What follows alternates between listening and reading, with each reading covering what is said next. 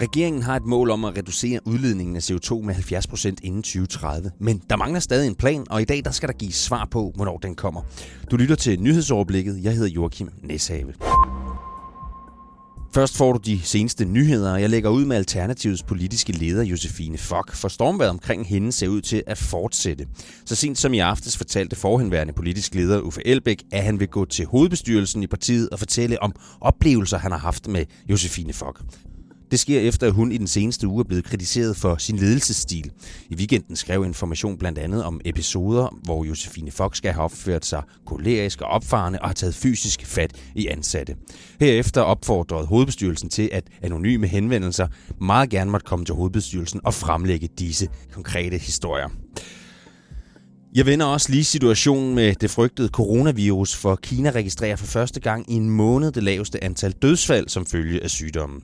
Det sker, mens store dele af verden forbereder sig på det meget smitsomme virus. I Norge har myndighederne eksempelvis netop bekræftet sit første tilfælde af en smittet person. Det gælder en kvinde, som har været i Kina, lyder det. I USA har præsident Donald Trump for nylig udpeget vicepræsident Mike Pence som hovedansvarlig for håndtering af virus i landet. Og i Berlin er der fuld gang i VM i banecykling, og publikum fik noget for pengene i går. De danske herreryttere leverede nemlig den anden verdensrekord inden for få timer, efter de havde leveret den første i 4.000 meter holdforfølgelse. 3 minutter og 46,2 sekunder tog det dem at køre sig i finalen. Her venter New Zealand senere i dag, der for nylig har besejret Frankrig, men deres tid var knap 1,3 sekund langsommere end den danske rekord, lyder det. Og så kigger jeg lidt op ad dagen, for senere er der lagt op til, at klima-, energi- og forsyningsminister Dan Jørgensen skal have nogle svar klar. Han er nemlig kaldt i samråd for at redegøre for, hvordan en reduktion af drivhusgasser med 70% skal foregå, og hvordan det vil kunne mærkes i vores samfund. Målsætningen præsenterede regeringen sidste år, og den har oplevet stor politisk tilslutning næsten hele vejen rundt. Blandt andet fra Venstre, hvor formand Jakob Ellemann Jensen sagde sådan her i oktober. Venstre støtter ambitionen om at reducere udledningen af drivhusgasser med 70 procent i 2030. Men så sent som i aftes fik de radikale nok og understreget, at hvis ikke der sker noget inden grundlovsdag, så vil man fjerne sin støtte til selve regeringen, siger politisk leder Morten Østergaard. Det bliver ikke et forsømt forår i klimapolitikken. Der skal træffes nye beslutninger, inden Folketinget går på sommerferie. Helt så ultimativt lyder det ikke endnu fra andre partier, men når Finansudvalget senere i dag holder samråd, så vil man meget gerne have svar på, hvordan målet om den her reduktion nås, og hvilke økonomiske konsekvenser, der følger med. Altså en klimahandlingsplan.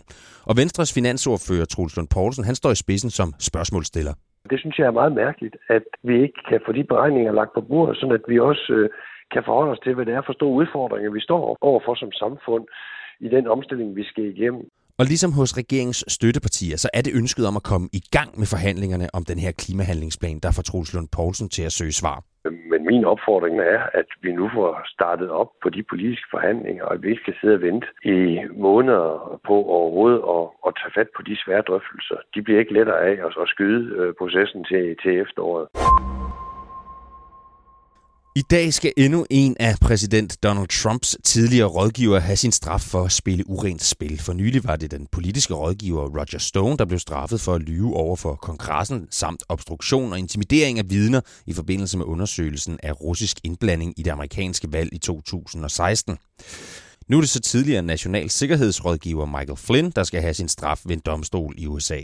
Han erkendte i 2017, at han havde lovet over for FBI om sine samtaler med den daværende russiske ambassadør. Det trak han dog i land, og sagen har nu længe ventet på sin afslutning. Anklageren har krævet ham idømt 6 måneders fængsel, og afgørelsen ventes senere i dag. Og så kan man spørge, påvirker alle de her tidligere rådgivers sager slet ikke præsident Trumps popularitet eller det embede, han sidder i i fremtiden? Ifølge lektor i amerikanske studier ved SDU, Niels Bjerg Poulsen, så er svaret nej. Altså hvis man ser på meningsmålingerne, har det ikke haft nogen stor indflydelse. Og en af årsagerne er det nuværende politiske billede i USA.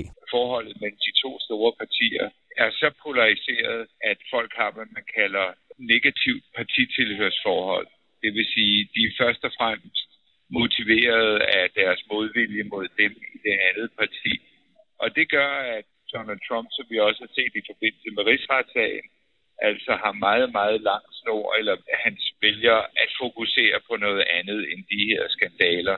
Normalt ville den her type sager have en anden effekt, lyder vurderingen. De her ting, som man kan sige fra enhver tidligere præsident, ville have været kæmpe skandaler og ville have påvirket deres meningsmålinger. De synes ikke at have nogen særlig effekt på hans meningsmålinger. Sagde altså lektor i amerikanske studier Nils Bjerre Poulsen. Og så er det i dag, at varetægtsfængslingen af tre eksiliranere, som er sigtet for spionage for Saudi-Arabien her i landet, udløber. De tre er mistænkt for fra 2012 til 2018 at have sat en saudiarabisk efterretningstjeneste til at virke inden for den danske stats område. FC København møder i aften Celtic i Europa League. Det sker på udebane. Første kamp den blev spillet i parken og endte 1-1, og derfor skal FCK altså over og have nogle mål i nettet for at gå videre i turneringen. Og så afholdes der en konference om børn og unges fysiske aktivitet i landets skoler. Her kommer forskere med international forskning i ryggen til at fortælle om, hvordan man kan øge mængden af aktiviteter, som i flere tilfælde har været udskilt herhjemme. En vejrudsigt byder på enkelte byer vestfra til dels med slud eller tøsne. Indimellem kan solen dog kigge lidt frem. Temperaturen den ligger sig mellem 2 og 6 graders varme, og vinden den blæser svagt til jævnt. Jeg hedder Joachim Nessau, og jeg ønsker dig en god dag.